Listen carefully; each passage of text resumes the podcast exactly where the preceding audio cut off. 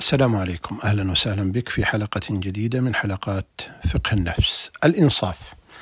قال عمار بن ياسر رضي الله عنهما ثلاث من جمعهن فقد جمع الإيمان. الإنصاف من نفسك وبذل السلام للعالم والإنفاق من الإقتار.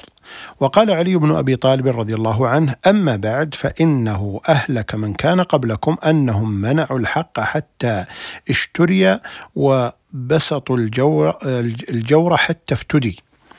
وقال علي أيضا رضي الله عنه الناس منقوصون مدخولون إلا من عصم الله.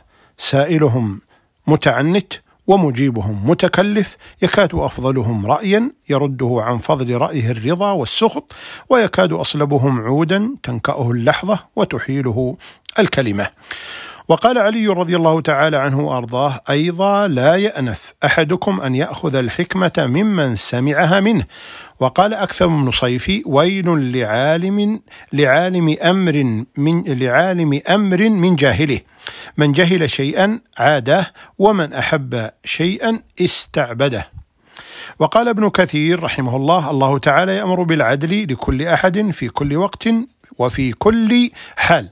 وقال ابن تيمية رحمه الله تعالى كل عمل يؤمر به فلا بد فيه من العدل فالعدل مأمور به في جميع الأعمال والظلم منهي عنه نهيا مطلقا. وقال ابن حزم وجدت أفضل نعم الله على المرء أن يطبعه على العدل وحبه وعلى الحق وإيثاره.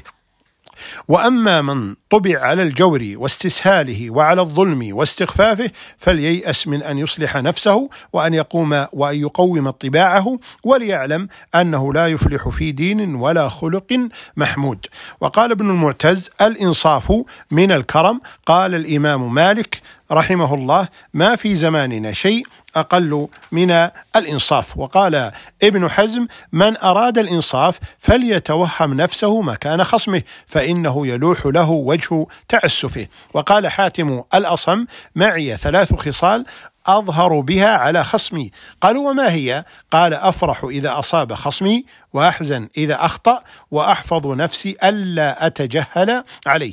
وقال الإمام مالك رحمه الله إنما فسدت الأشياء حين تعدي بها منازلها وليس هذا الجدل من الدين بشيء. وقال محمد بن سيرين ظلم لأخيك أن تذكر منه أسوأ ما تعلم منه وتكتم خيره.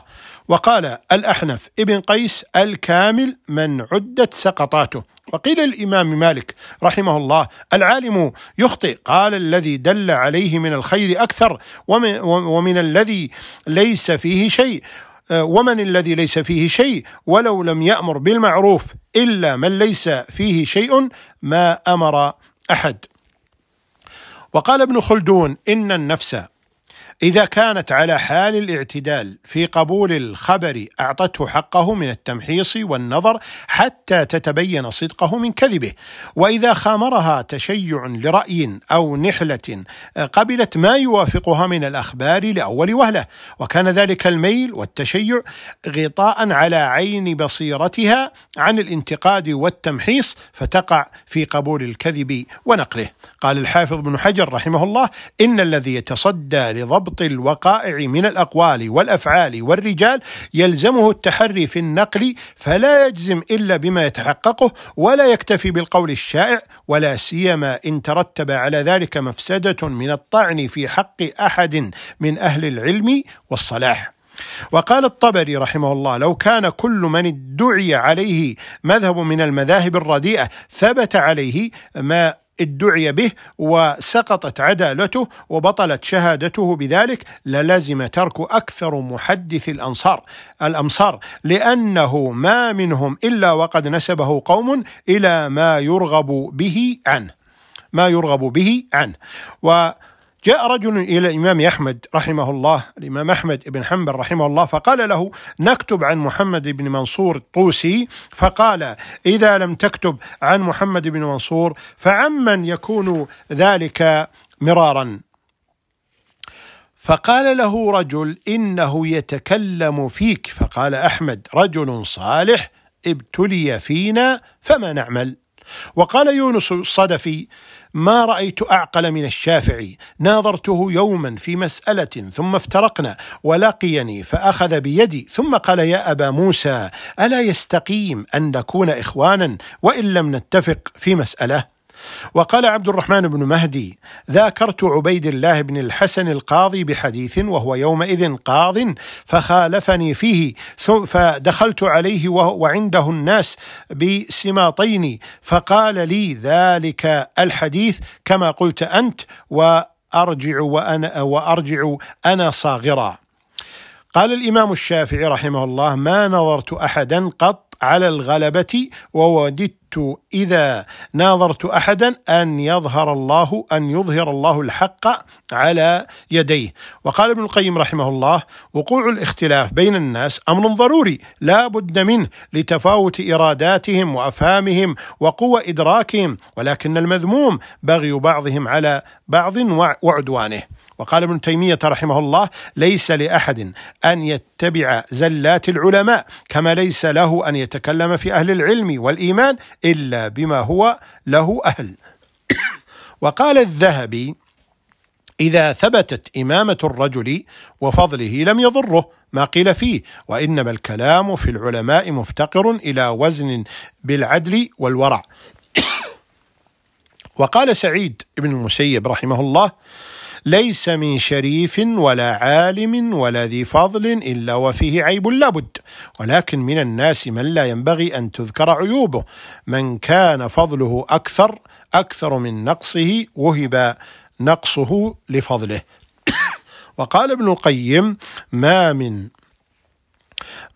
وقال ابن القيم من له علم بالشرع والواقع يعلم قطعا أن الرجل الجليل الذي له في الإسلام قدم صالحه قدم قدم صالح وآثار حسنة وهو من الإسلام وأهله بمكان قد تكون منه الهفوة والزلة هو فيها معذور بل ومأجور لاجتهاده فلا يجوز أن يتبع فيها ولا يجوز أن تهدر مكانته وإمامته ومنزلته من قلوب المسلمين. وقال الذهبي ولو أن كلما أخطأ إمام في اجتهاده في احاد المسائل خطأ مغفورا له قمنا عليه وبدعناه وهجرناه لما سلم معنا ابن نصر ولا ابن منده ولا من هو أكبر منهما.